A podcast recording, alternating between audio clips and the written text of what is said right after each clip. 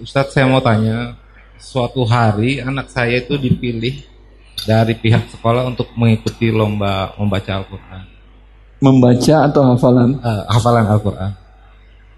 Uh, yang jadi masalah pada perlombaan tersebut dipungut uang bayaran, uang pendaftaran dari orang tua murid. Dari orang tua murid? Dari orang tua murid yang di, yang anaknya ikut. Anaknya ikut. Saya sudah mengetahui hukumnya. Sudah mengetahui. Ya, yang jadi itu masalah judi. Itu judi ah, terus antum ikut juga? Ya, ya.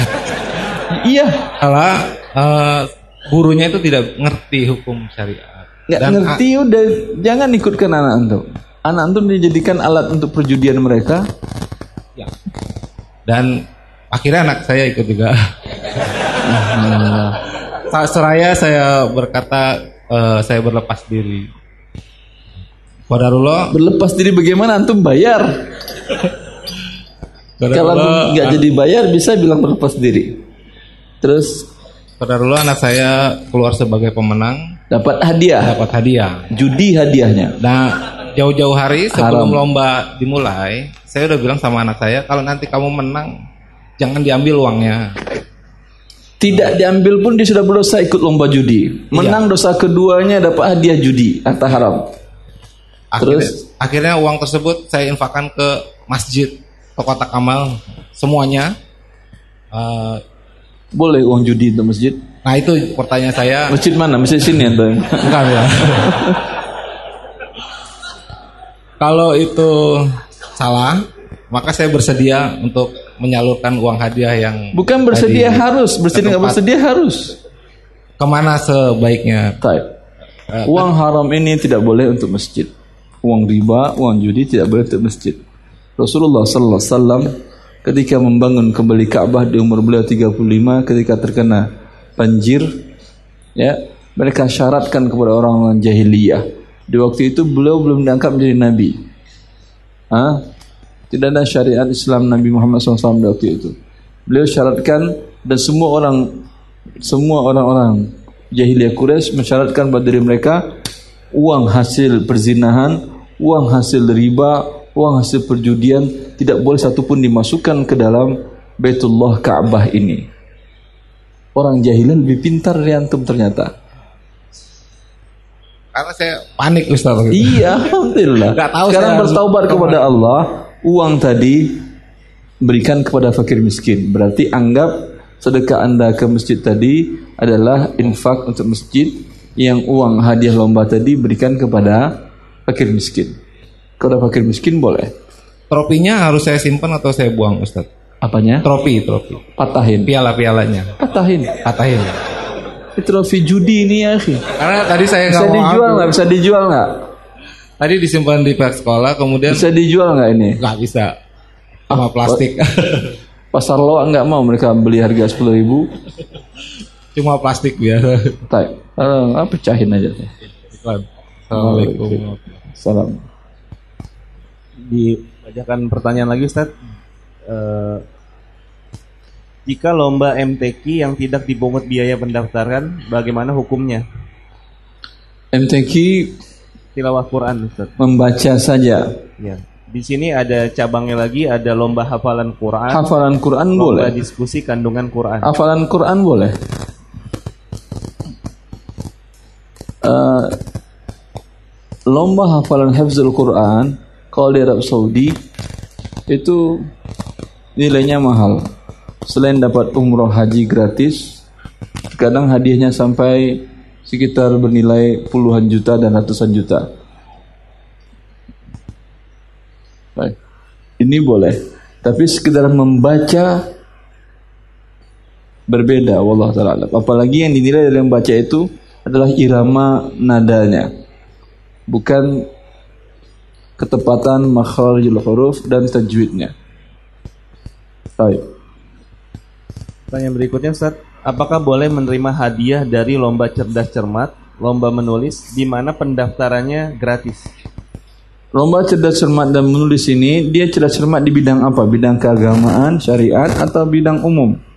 Bidang umum artinya apakah sebutkan benua terbesar di dunia itu nggak ada gunanya tahu pun nggak tahu nggak ditanya ada di akhirat Nggak ada malaikat nanya anda mana lautan terdalam di dunia. Nggak ada. Ditanya malaikat adalah merebuk.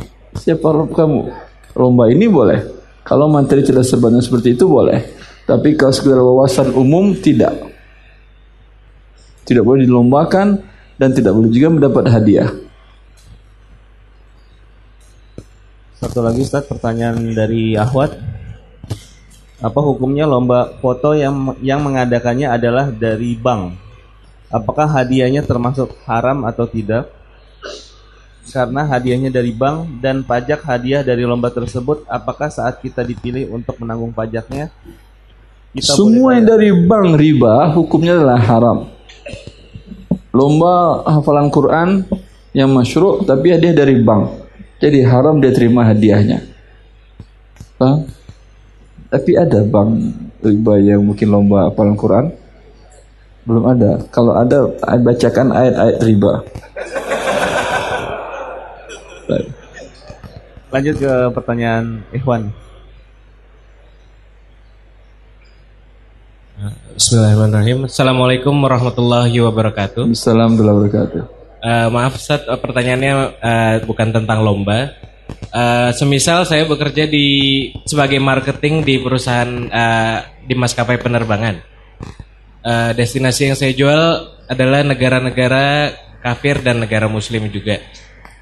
Apakah pekerjaan saya bantu membantu dalam maksiat karena saya pernah membaca kajian soal mengunjungi negara kafir uh, hukumnya haram. Itu Ustaz. Apakah yang menggunakan jasa Anda semuanya muslim?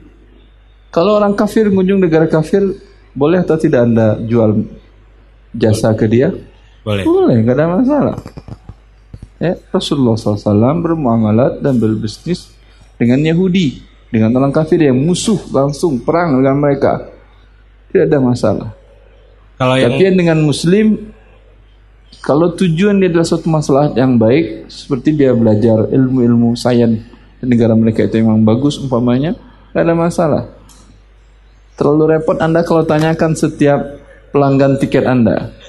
Tujuan ke negara kafir Anda mau Anda muslim atau bukan? Pertanyaan pertama.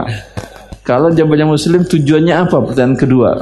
Pertanyaan ketiga akan panjang pertanyaannya. Anda akan dipecat dan diberhentikan dan dianggap mengganggu HAM orang bekerja saja. Boleh, insyaallah. Allah barik fikum. Assalamualaikum warahmatullahi wabarakatuh. Assalamualaikum warahmatullahi wabarakatuh. Pertanyaan Anda mungkin dua Ustaz. Pertama yang baru Dua boleh. Satu. Tapi yang kedua juga cukup penting. Pakai kata dan selesai urusan Anda. Saya tunjukkan okay, caranya. Siap. Uh, ya pertanyaan Anda itu tentang hukum perlombaan bela diri Ustaz. Yang di mana bela diri suatu yang masyru karena kemampuan digunakan dalam berjihad bisa bilillah. Kemampuan memanah tadi iya. Tapi dengan syarat menggunakan body protector untuk pengaman oh, nah. diri karena belum perang kecuali Anda uh, fightnya adu bela dirinya dengan orang kafir sekalian ah itu boleh tanpa body protector. Berarti misalkan kayak hanggar silat ataupun bela diri dengan senjata lain tapi dengan body protector itu berarti Sekarang boleh. lawan Anda siapa muslim atau kafir? Muslim, Ustaz. Ah, nggak boleh dipukul dia. Kalau dengan body protector gimana, Ustaz? Sakit nggak terasa kalau dia body protector? Sedikit mungkin. Hah? Sakit sedikit mungkin, Ustaz. Nggak boleh menyakiti kaum muslimin ya, akhi. Baik. Uh, kalau minta setiap Anda umpamanya praktek latihan Minta lawan anda non muslim terus, cari non muslim terus. Ada teman saya dulu dia lumayan jago kungfu. Subhanallah setiap dia kungfu tentu dari non muslim guru-guru besarnya kan ya. Terus sengaja dia habisin kalau setiap ada fighting gitu. Nah, kalau untuk lomba debat ilmiah bagaimana Ustaz? Uh, bukan dan saya bilang dan dan lomba ilmiah bagaimana? Dan lomba karya ilmiah. ilmiah. Bukan. Uh, debat Ustaz. Jadi kira-kira debatnya itu nanti dibagi dua tim. Lalu yang De, apa yang mau diperdebatkan ini? topik topik-topik umum Ustaz. debatnya menggunakan dalil syar'i atau seenak kepalanya? Dalil logika aja itu Main debat- logika ini termasuk dari kalam fuduli. Kata Allah, kata Rasulullah, ucapkan yang baik atau diam. Lebih baik orang seperti itu diam. Sak bikin sakit telinga yang dengar aja ya. Biasanya lomba debat ini diadakan oleh kalau misalkan di SMA itu dari dinas pendidikan, kalau dari kuliah itu dari Kemenristek. Jawabannya sudah jelas haram. Dan Debat. dan untuk yang pertanyaan selanjutnya eh pertanyaan lanjutan total itu Ana lulusan teknik telekomunikasi Ustadz. Allah. sebelumnya per- pekerjaan Ana sebelumnya itu di bidang satelit. Jadi penyedia jaringan satelit Ustadz. Dan rata-rata yang menggunakan jaringan satelit ini kalau tidak pemerintah itu bank. Hmm. Yang menggunakannya itu Bolehkah anda buat untuk- satelit untuk bank? Sebentar, sekarang anda buat satelit khusus buat bank atau untuk banyak ada jasa yang halal, jasa yang haram? Uh, pertama untuk pem- pemerintah militer sebenarnya banyak yang menggunakan Ustaz, tapi kebanyakan kliennya itu memang dari bank untuk Ah, jaringan-jaringan sebagian ATM. besar pengguna jasa anda ri- tempat riba. Iya, Iya, jaringan ATM. berarti sebagian besar ah, ATM bukan riba ya sih. ATM beda hukumnya. ATM berarti anda narik uang anda. Ustaz. Nah. Ya rata-rata kliennya itu Cuman jaringan-jaringan ATM. dibayar oleh ATM banknya banknya bank riba, dibayar pakai bunga riba. Ya, anda buat Bisa. jangan terima uangnya karena dibayarnya pakai uang riba. Berarti uh, bekerja di perusahaan yang bergerak di bidang satelit yang emang rata-rata yang menjadi klien jaringan satelit itu emang bank hukumnya gimana itu Ustaz? Uangnya haram anda terima karena pasti bank itu bayar pakai uang ribanya. Jelas? Jasa anda membantu jalan usaha mereka. Tanpa ATM, otomatis bank ribanya tidak menjadi unggul kan ya? Nah, Gara-gara anda buatkan itu menjadi maju ribanya. Cukup? nah, tapi kalau misalkan sekarang itu kan ada dan lagi. Tapi, kok tapi udah nggak boleh duduk. Dan, dan, dan kalau misalkan Nggak boleh terlambat. Tapi nggak boleh. Dan tadi boleh duduk kalau tapi. Allah Dan fik. Nanti kalau- ambil antrian baru lagi ya. Nah, jazakallah Ustaz. Allah barik fikum. Ustaz, eh, dibacakan lagi pertanyaan. Ada salah satu bank mewakafkan Al-Quran ke masjid. Apa hukumnya Ustaz?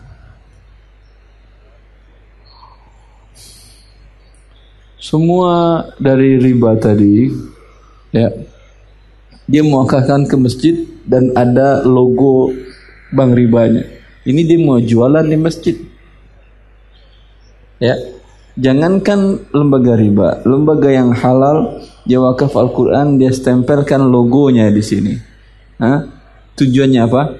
Jualan kan ya. Rasulullah mengatakan, "Idza ra'aita man yabta'u wa yashtari fil masajid faqulu lahum la arbahallahu tijaratah."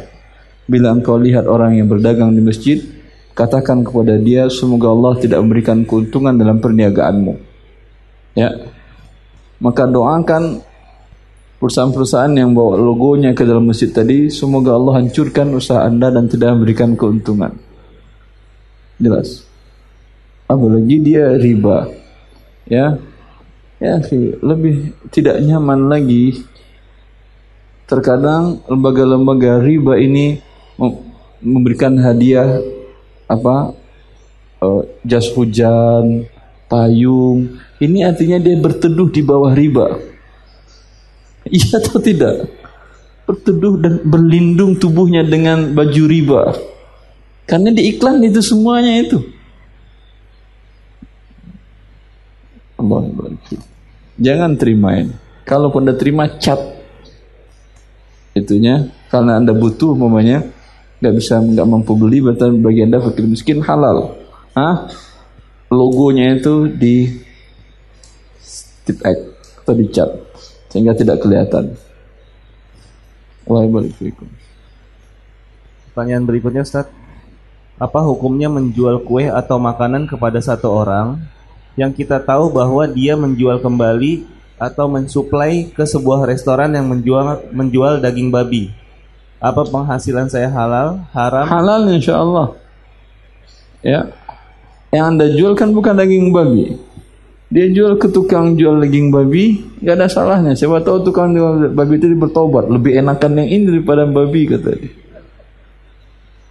Pusing untuk kalau harus jual beras kepada orang yang bikin kan ada apa minuman keras dibuat dari beras ada kan ya?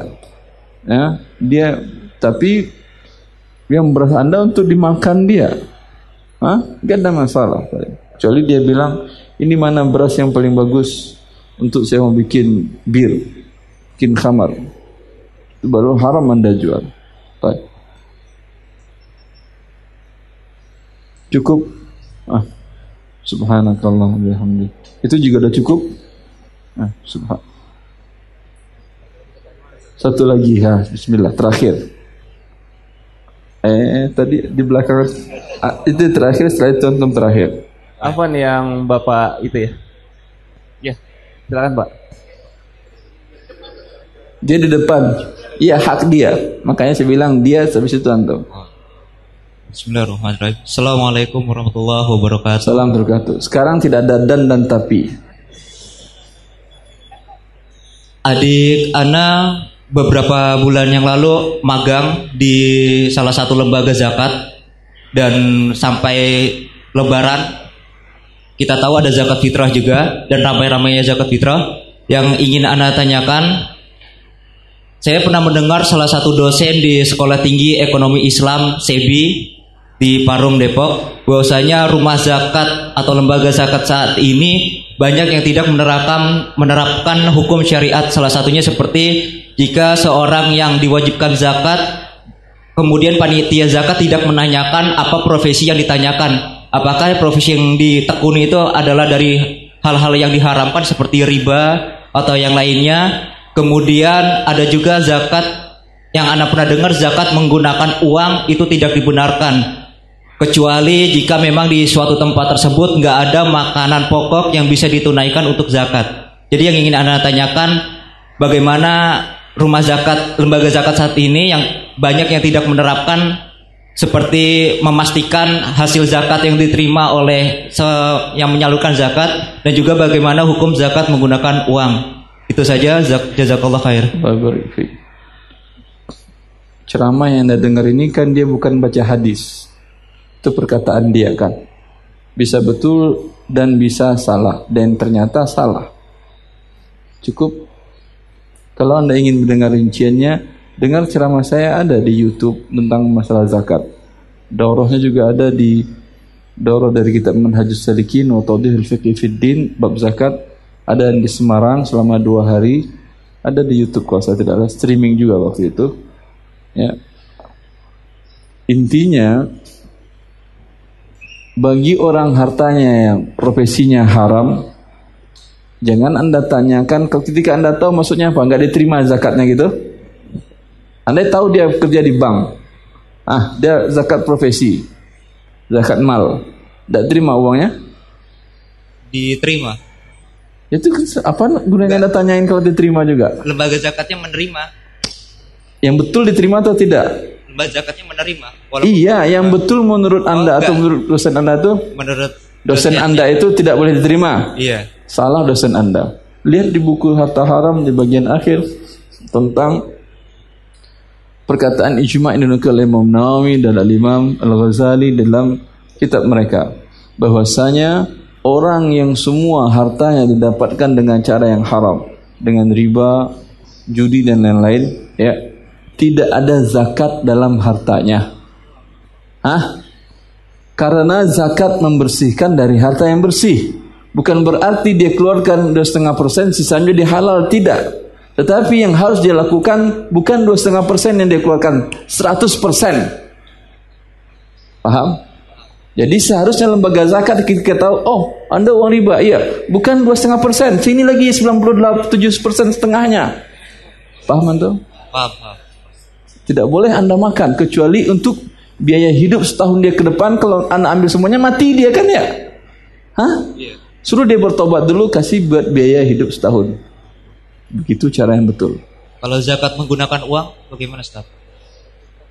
yang dimaksud zakatul fitr.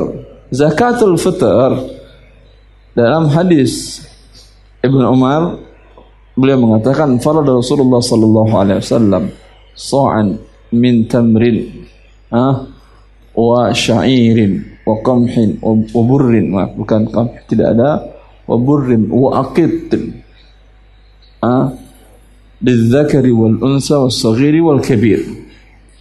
Ibnu Umar mengatakan bahwa Rasulullah mewajibkan zakat fitr dari setiap jiwa yang kecil maupun yang besar, yang bayi maupun yang tua, laki maupun perempuan satu sok. Sok ukuran volume bukan ukuran berat. Satu sok. Dan Rasulullah sebutkan jenis material objek yang disok itu yang diukur dengan volume itu. Hah? Satu sok kurma, kemudian satu sok gandum, dengan dua jenisnya ada dengan namanya bur ada syair. Kemudian sampai pun Rasulullah mengatakan sampai pun susu kering akid namanya satu sok akid. Kalau dia ingin keluarkan rupiah berarti satu sok rupiah. Karena Rasulullah jelaskan ukurannya satu sok di waktu itu ada uang dirham ada uang tapi Rasulullah tidak jelaskan boleh dengan uang maka kalau panitia yang cerdas yang mengerti syariat Allah Ketika orang menyerahkan rupiah, katakan kepada dia, Pak, di situ ada tukang beras. Beli beras sana bawa ke sini. Atau katakan kepada dia, Pak, kami terima uang, tapi nanti kami belikan beras dan beras kami serahkan kepada fakir miskin. Itu cerdas namanya panitia. Bukan tidak diterima. Paham atau? Paham. Allah yang baik. Jazakallah khair. Assalamualaikum warahmatullahi wabarakatuh. Fadal Pak. Assalamualaikum Ustaz. Assalamualaikum warahmatullahi Eh, ini berkenaan dengan software yang rencananya Anda mau bikin.